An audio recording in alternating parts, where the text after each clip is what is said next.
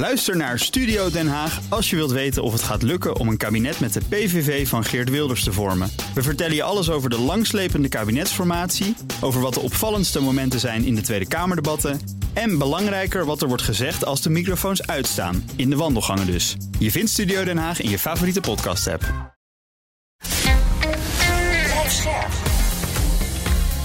BNR Nieuwsradio. Boekenstein en de Wijk. Hugo Reitsma. Welkom bij Boekenstein en de Wijk. Het is woensdag, dag 553 van de oorlog in Oekraïne. En het is een goede dag om eens niet op de grond, maar in de lucht te beginnen, hè Arjan? Ja, laten we maar beginnen met de Oekraïnse drones. Uh, die zijn dus naar zes Russische regio's gegaan. Dat is echt heel ja. erg ver verspreid. Bryansk, Oriol, Kaluga. Daar komt trouwens de beste caviar vandaan. Ah. Ryazan uh, en, en Ru, Rura, Ruza, geloof ik. Hè? Nou, de Russen zeggen dat ze acht daarvan hebben neergehaald. Maar dat wordt nu ontkend door de Oekraïners. In ieder geval zijn er vier militaire uh, transportvliegtuigen op een vliegveld in Pskov uh, beschadigd. Ja. 30 uh, mijl, dat is zeg maar 50 kilometer van de grens van Estland. Dus helemaal Ja. in het westen dus. Helemaal noordwest. Ja. Ja. En dat Ja. zijn de Ilyushin 76, zag ik. Dat zijn van die gigantische transportvliegtuigen. Een beetje zoals de Amerikaanse C-17, zeg maar. Een enorm eh, bakbeest. En beschadigd is misschien ook weer een beetje te weinig gezegd. Want ik, ik zag er in elk geval één in lichterlaaien staan op een filmpje online. Ja, daar worden ze niet beter van. Hm? ja. En Rusland zelf heeft 44 raketten en drones gestuurd naar drie regio's, met name Kiev. En 43 zijn daarvan neergehaald volgens de Oekraïners. Dus dat was, dat was het grootste aanval eh, sinds de lente. Ja. Dus dat is niet misselijk. En er zijn doden gevallen door debris. Dus dat ze door gewoon... eh, Neervallend eh, neervallend materiaal. Ja. Ja. Ja. Maar, maar dus weer ook, en dan zulke militaire eh, doelen waarvan je toch zou verwachten. We weten inmiddels dat dat misschien niet zo is, maar dat, dat, dat die beveiligd worden tegen drones. Eh, hoe is het toch mogelijk? En wat ik steeds lees erop is dat als een drone ontzettend laag vliegt en je vermijdt bepaalde gebieden en je doet er ook veel waardoor je dus de luchtafweer een Mm. beetje overspannen raakt, dan kom je er doorheen. En dat is echt een probleem, want de meeste van Ja. systemen zijn, richten zich op, eh, op raketten en zo. Dit Ja, is klopt, een- maar de, de Russen zijn ook op dit ogenblik eh, bezig om te kijken of ze door middel van andere aanvliegroutes inderdaad de luchtverdediging van Oekraïne kunnen omzeilen. En dat, dat kan inderdaad. Eh, en dat heeft te maken met het gebrek eigenlijk aan, eh, aan drones, aan raketten die ze hebben, eh, kruisraketten. Dus die moeten ze eigenlijk een ander pad laten vliegen om op het doel aan te komen. Eh, in de hoop dat ze zo minder kwetsbaar worden voor de luchtafweer. Maar dat doen de Oekraïners natuurlijk ook. En dus het is toch wel even aardig om te zeggen van eh, wat voor drones dit zijn. Dat zijn eigenlijk eigen fabrikaatdrones. Hè? Want we hebben natuurlijk een hele discussie de hele tijd over eh, eh, dat eh, die ATACMS, dat zijn die raketten met een bereik van pakweg 300 kilometer, die mogen niet worden geleverd omdat ze daarmee Rusland kunnen bereiken. Maar dit zijn raketten, of drones moet ik zeggen, die ze zelf hebben ont, eh, ontwikkeld. Hè? Ja. Dus ehm, ze hebben de UJ-22, om er maar één eh, te noemen. Eh, die is net ingevoerd hoor, in, vorig jaar. 800 kilometer bereik wordt ehm, aangevoerd, aangedreven door middel van een motor met een propeller erop. Er kan eh 20 kilo worden meegenomen. Dat kan explosieve lading zijn, maar dat kan bijvoorbeeld ook een pot zijn om eh, eh, grondwaarnemingen te, te, Mhm. te, te verrichten. Eh, ze zijn binnen 100 kilometer zijn ze nog bestuurbaar en daarna gaan ze automatisch op een doel af. Huh. Eh, maar het probleem is wel dat ze nogal kwetsbaar zijn voor elektronische oorlogvoering. Hè, dus je, eh, we hebben eerder er ook wel over gehad dat veel van die drones, die halen niet naar beneden door, er, eh, door ze kapot te schieten, maar gewoon door elektronische oorlogvoering. Dus je jamt ze, je jamt het eh, GPS-signaal. Nou, dat is er één. Dus het is een goedkope drone, wordt vaak ingezet om te kijken hoe sterk de luchtverdediging van Rusland is. En als eh, die, eh, die niet zo sterk is, dan kun je duurdere systemen gaan inzetten. En dan praat je over de Bober. Eh, daarvan is bekend dat ze eigenlijk pas dit jaar operationeel zijn geworden. En dat zijn de, de drones die tegen Moskou worden ingezet. En die hebben een bereik van 600 tot 1000 kilometer. Mhm. Eh, en die zijn ook nog steeds kwetsbaar voor elektronische oorlogvoering, maar iets, iets minder dan die andere drones. Ja. Ik hoorde een stukje op de eh, podcast van The Economist vanmorgen in de auto. Die probeerde een vergelijking te maken tot de, tot de Oekraïnse capaciteit om drones te maken en die met Rusland. En ze herinneren me aan het, weet je nog, er worden Shahed-drones nu ook geassembleerd in Rusland. Hè? Ja. Eh, en, eh, maar niemand kan dus de vraag beantwoorden wie dit nou gaat winnen. Maar die man zei wel eh, van, eh, ja, het is wel zo dat in het gekke Russische systeem, als ze eenmaal die fabriek hebben en hij draait, dan kan het hard gaan. Dus het is helemaal nog niet gezegd dat hier ook een Oekraïns voordeel eh, ligt, jammer genoeg. Dat klopt.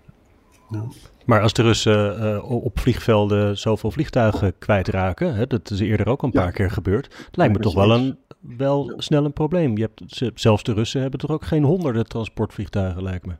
Nee, dat klopt. Dat zijn tamelijk schaarse middelen. Maar goed, eh, drie eraf, dat kan nog wel. Dat is ongeveer wel de hele transportcapaciteit van een klein land als Nederland. Maar in Rusland hebben ze er echt meer. Ja. Ehm, laten we dan even kijken naar de situatie op de grond. En dan denk ik alle ogen nog steeds op Zaporizhia, hè?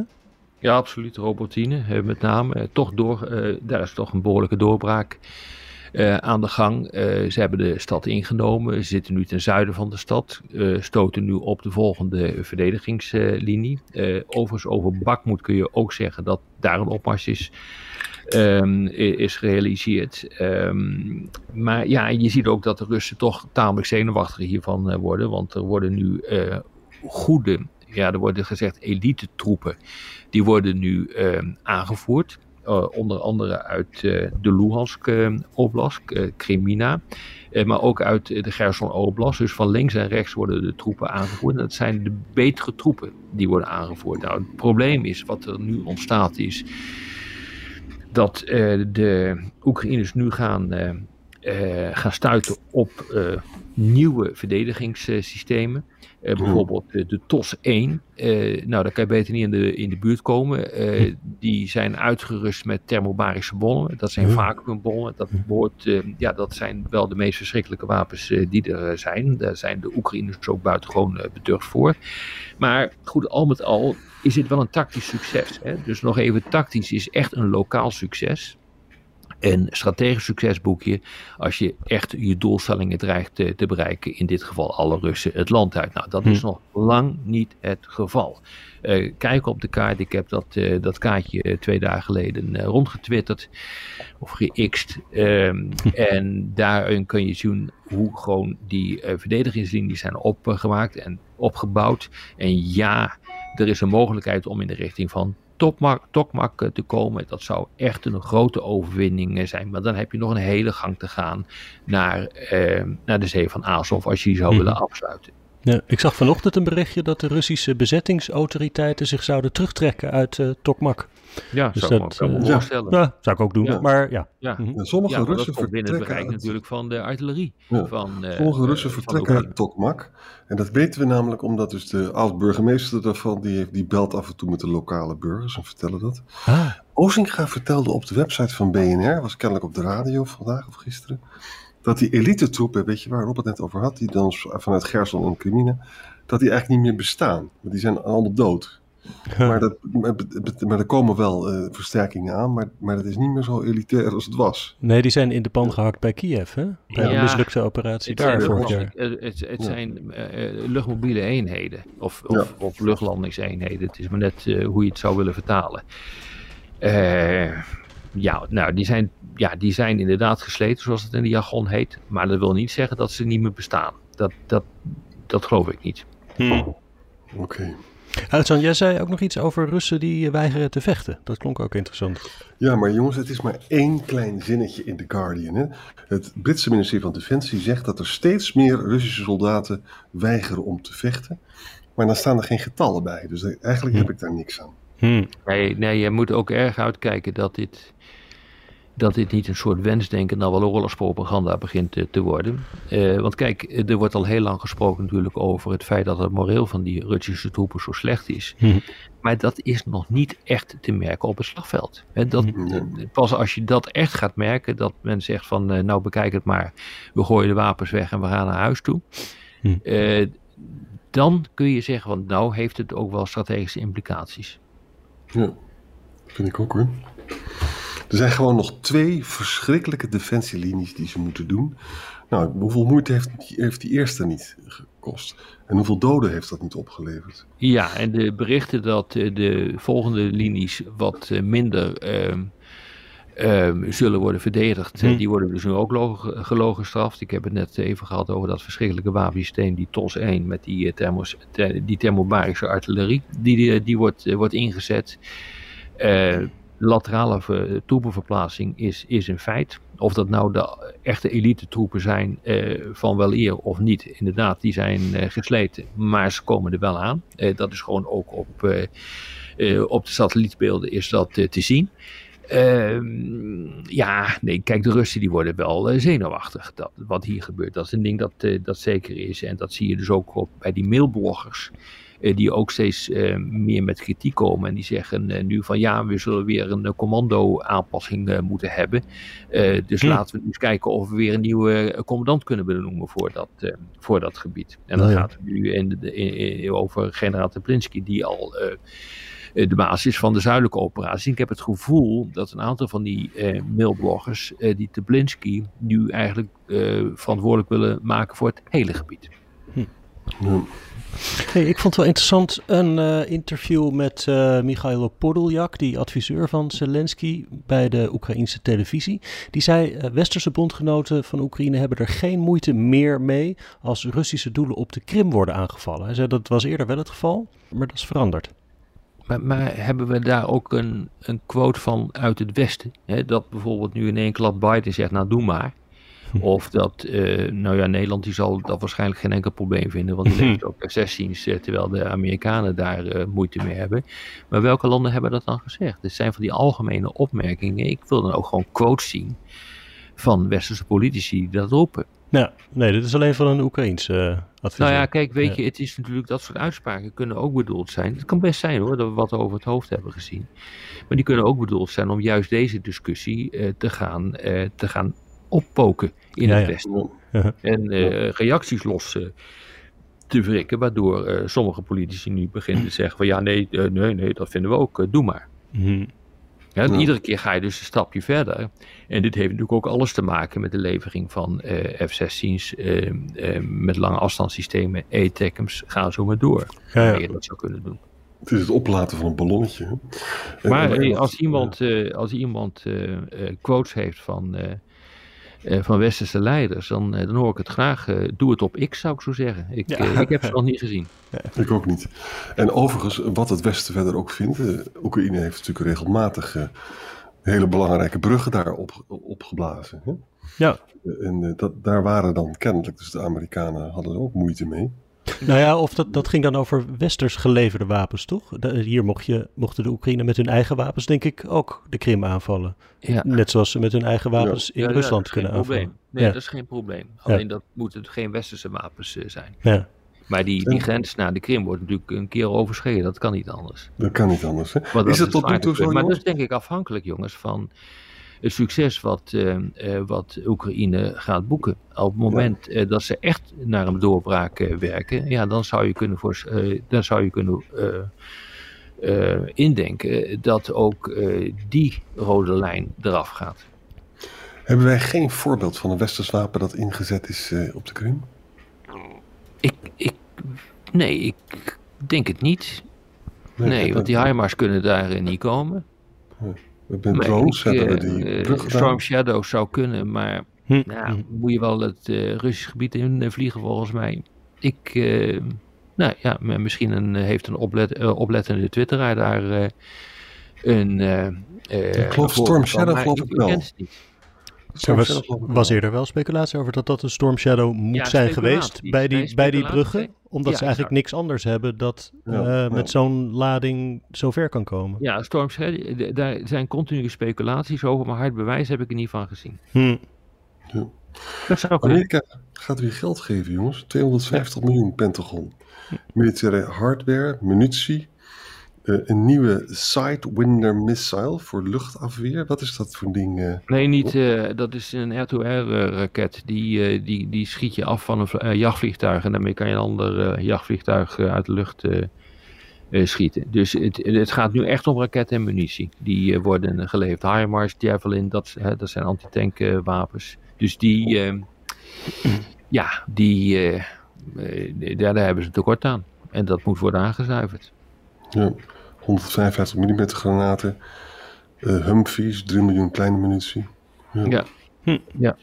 Nou, kijk, en Zuid-Korea die doet ook een duit in het zakje. Die heeft uh, iets minder dan 400 miljoen dollar uh, nu toegezegd. Maar dat zit hem veel meer in de wederopbouw en de humanitaire hulp. Ze hebben overigens wel gezegd, de Zuid-Koreanen, we gaan ook militair steunen. Maar daar heb ik nog weinig van gezien. Ja. Nou, de Prigozhin-begrafenis hebben we meegemaakt. Hè? Oh, dat was gisteren geloof ik, hè? De persdienst van Prigozhin die zei van, nou, iedereen mag gewoon eh, de laatste eer bewijzen. Maar ja, dus, waar dus het wemelde van de soldaten en de politieagenten die letterlijk in het plantsoen van die, van die begraafplaats staan. Niemand kon er dus in. Ja, ja. Heel merkwaardig. In Sint-Petersburg geloof ik, hè? Ja, ja. Bij, een beetje buiten, aan de rand van Sint-Petersburg. En wat natuurlijk weer de, ja, het martelaarschap zal vergroten, is dat er, er is net een video geplaatst. Uh, die is mhm. opgenomen toen Prigozhin nog leefde, dus voordat het ellende allemaal gebeurde. Mm En daar voorspelt hij dus dat zijn vliegtuig uit de lucht zal vallen. Echt? Ja, uh, hij zegt letterlijk: the, the plane will fall apart mid-air. Huh. You better kill me, but I won't lie. I have to be honest. Russia is on the brink of disaster. If these cocks are not adjusted, als deze tandwielen niet worden bijgesteld, dat is een technisch probleem. Hè? Today, the plane will fall apart mid-air. Nou ja, ik denk, er zijn natuurlijk genoeg mensen die zijn dood betreuren.